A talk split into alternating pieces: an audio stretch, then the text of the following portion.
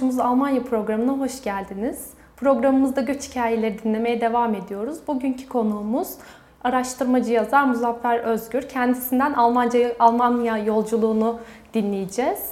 Hoş geldiniz öncelikle. Teşekkür ederim, hoş bulduk, sağ olun. Ee, ilk sorum Almanya'ya gitmeye nasıl karar verdiniz? E, biliyorsunuz Türkiye'de e, politik e, konumda olan insanlar ya da politik düşünceleri resmi ideolojiye aykırı olan insanlar rahat edemiyorlar. E, o dönemde 1995 yılında e, ben kendimi rahat hissetmedim ve yurt dışına gitmeye karar verdim. E, Ve bu ülkeden kaçıp gittim. Gitme de- hikayeniz. evet yani devlet Böyle başladı. devletin işte bana iş vermeme, devletin beni sakıncalı personel statüsünde görmesi beni başka yönlere yönlendirdi ve ben bu nedenle yurt dışına çıkma kararı verdim ve çıktım. Göçüm hikayesi böyle başladı. Peki ilk gittiğinizde yaşadığınız en büyük zorluk neydi? Bunu nasıl aştınız? Tabii oraya oraya gidiyorsunuz ayrı bir dünya. Ekonomik, sosyal, e, toplumsal olarak çok farklı bir yapının içine giriyorsunuz. Üçüncü dünya ülkesinden gitmişsiniz. E, özellikle ben köy kökenli bir insanım, köy, köylü çocuğuyum. E, zorluklar şey oldu yani oraya entegre olabilme, farklı bir din, farklı bir kültür, farklı bir medeniyet e, her ne kadar okumuşsak da okumayla olmuyor. Oranın içine girince oranın gerçekten bizim buralardan farklı bir e, e, kültür ve medeniyete sahip olduğunu hemen hissedebiliyorsunuz. E, gittik, e, entegre olmaya çalıştık, öğrenmeye çalıştık. Alıştık oraya, oralı olduk zamanla. İşinizi orada ne kolaylaştırdı? E, benim işimi orada kolaylaştıran şey arkadaş çevremin çok büyük olması. E, beni arkadaşlarım bana yardım ettiler. Ben e, e, hemen e, kolayca yerleşebildim. Yani ev bulmada, iş bulmada, okula gitmede tercümanlık yapan arkadaşlarım vardı. Çabuk yerleşim şeyim kolay oldu. Biçimim kolay oldu. Bugüne kadar da devam etti. Peki Türkiye'deki mesleğinizi, bir mesleğiniz Ben- vardı. ben- ben- Devam ben- ettirebildiniz mi? E, Yok yok ben e, burada yüksek okul okumuştum. E, Bir fakültede de öğrenciydim. Üçüncü sınıfa kadar okudum. Olmadı. Bıraktım gittim oraya. Orada okumak istedim. E, 31 yaşındaydım ben Almanya'ya gittiğimde. Üniversite Köln Üniversitesi'nde ekonomi bölümüne ben kayıt yapmak için müracaat ettim. Bana şey dediler, sen tamam kaydını yapalım ama şunu da bilmeni istiyoruz. Sen e, bu öğrenci kredi haklarından e, yararlanamıyorsun dediler. E, 30 e, o günün koşullarında 30 yaşından daha büyük olanlar öğrenci kredisi hakkını alamıyorlardı. Ben de onu duyunca bütün dünyam yıkılmıştı. Öğrencilik hayallerim suya düştü. Bıraktım. Kapattım o dosyayı. Normal işçi statüsünde bir yeni bir yaşama başlamak için arayışlar içine girdim ve öyle bir şeyler bulduk, devam ettik. İşiniz neydi orada? Ben bir yıl e, yabancılara yönelik uluslararası bir kurumda danışmanlık yaptım. Mültecilere ve göçmen işçilere yönelik. E, Sonra bir yıl işsiz kaldım. Daha sonra bir okula gittim o e, iş bulma kurumu üzerinden. Alman Demir Yolları'nın güvenlik ve servis şirketinde ben işe girdim. Halen de o işte çalışıyorum. 21 yıldır. Günleriniz nasıl geçiyordu? Ben so- sosyal yönden çok aktivitelere katılıyordum Almanya'da. Ee, İşte Türkiye'li göçmenler, e, özellikle Kürtler bazında Kürtlerin tüm etkinliklerine katıldım Avrupa'da. Ee, e, İşte kısa bir süre sonra biz 1997 Nevruz'unda Mart ayında Orta Anadolu Kürtleri aydınlarının ya da işte kadroların bir araya geldiği bir platform oluşturduk ve o 97 Mart'ında Birnabun adında 3 aylık periyotlarla yayınlanan bir dergi çıkarmaya başladık. Dergi önce Türkçe ve Kürtçe iki dilliydi. Daha sonraki yıllarda tamamen Kürtçe oldu. Ee, O dergi üzerinde ben çok yoğunlaştım. Ben o derginin editörü e, ve dağıtım sorumlusuyum. Bütün işler bana bakıyor. Ee, Arkadaşlar da bana güveniyorlar o konuda. Ee, Biz de 23-24 yıldır o işi aralıksız, periyodik olarak düzenli bir şekilde APEK yayın evi var Stockholm'de. Onun e, ev sahipliğiyle biz e, bu işi devam ettiriyoruz.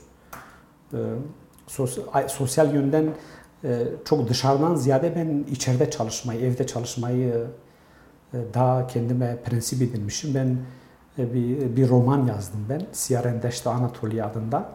Orta Anadolu'da Cumhuriyet'in kuruluş yıllarında geçen bir hikayeyi dedemin yaşamını bölge Kürtleri üzerinden bir değerlendirip bir yazıya döktüm. Bir romanım birinci baskısı Stockholm'da yayınlandı. İkinci baskısı Diyarbakır'da.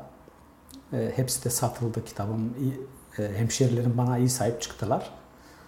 E, şu anda da yeni bir kitap çalışması yapıyorum. E, zamanımı daha çok evde geçiriyorum. Böyle e, dışarı tabii muhakkak insanlarla iletişim şeyim çok güçlü benim. Avrupa'nın her ülkesinde dostlar, arkadaşlar var. Ama e, içeride olmayı daha çok seviyorum. Bir de ben e, Temmuz 18 17 Temmuz 2020 yılından itibaren Çarpel Medya üzerinden sosyal medyada Dangurengi Anatolia diye bir yayın yapıyorum Avrupa'dan. Her cuma günü saat 8'de yayınlanıyordu.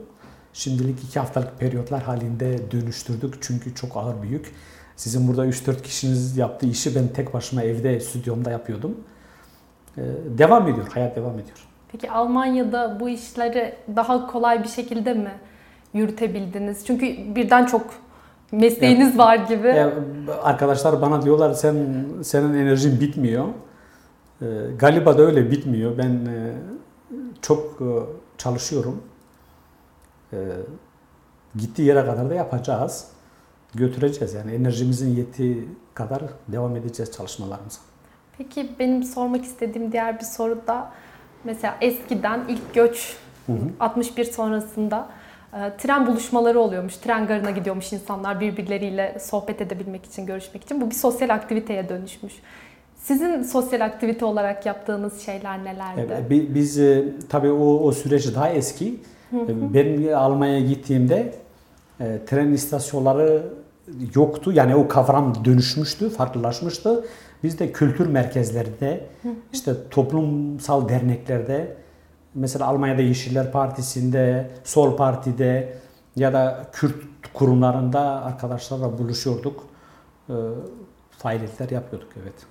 Peki unutamadığınız bir anınız var mı? İlk gittiğiniz zamanlardan olabilir. Tabii ben e, ben e, şimdi ben Almanya'da havalanında iltica ettim. Ee, ben beni bıraktılar, bana bir adres verdiler. Dediler e, gidebilirsin. İşte trene bin, bu adrese git. 200 kilometrelik başka bir Frankfurt'tan Dortmund kentine gidecektim. Ben e, çok sevdiğim bir abimiz vardı. Ben telefon ettim ona. Ee, işte ben dedim ben buradayım. Hiç kimseyi tanımıyorum Almanya'da. Bana yardım et gelmişti. Ben istedim ki benimle e, ilgilensin ama e, ben e, benden uzak durdu, soğuk durdu. Tabii ben bunu kavrayamamıştım.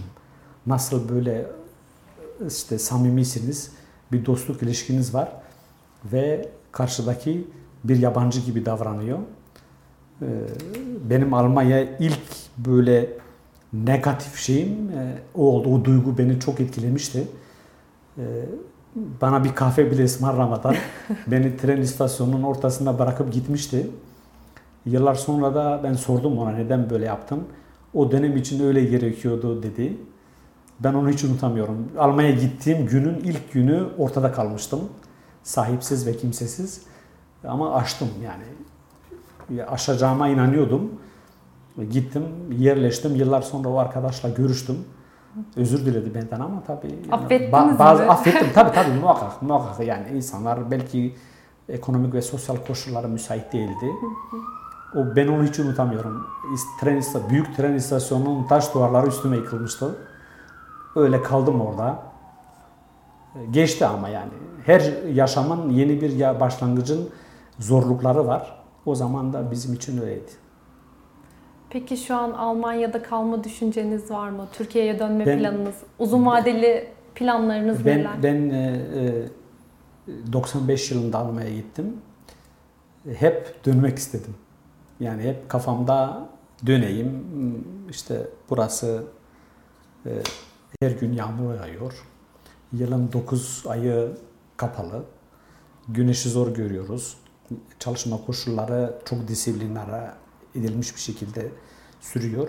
Ben hep kafamda işte Türkiye dönerim, e, bir işe girerim, bir iş yaparım, arkadaş çevrem var, dostlarım var e, diye hep hep hayal ettim, hep düşündüm, hep bu konuda bir meyilim de oldu. Ama şeyi de anladım ben, yıllar geçtikçe şeyi de anladım. Türkiye'de yaşam hakkımızın hemen hemen olmadığını anladım. Yani çünkü işte geçmişteki yargılanmalardan dolayı e, sakıncalı bir e, dosyan olursa sen ne kadar çırpınsan da yüzmeye yüzemiyorsun ve batıyorsun. E, son Türkiye'ye 12 yıl gelmedim ben. 12 yıl sonra Alman vatandaşı olduğumda Türkiye'ye bir yabancı kimlikle ülkeye geri geldim. Gelir gelmez beni o zaman gözaltına da almışlardı. Anladım ben ben bu ülkede yaşayamam. Yani ülkenin güzellikleri, iklimi, denizi falan hiç önemli olmuyor. Politik ve sosyal gelişmişlik seviyesi önemli. Burada yaşamanın zorlu olmasına rağmen halen dönmek istiyorum. Ee, çırpınıyoruz. Başarabilirsek bir gün döneriz. O zaman ben son olarak e, hem burada yaşadınız hem Almanya'da yaşadınız.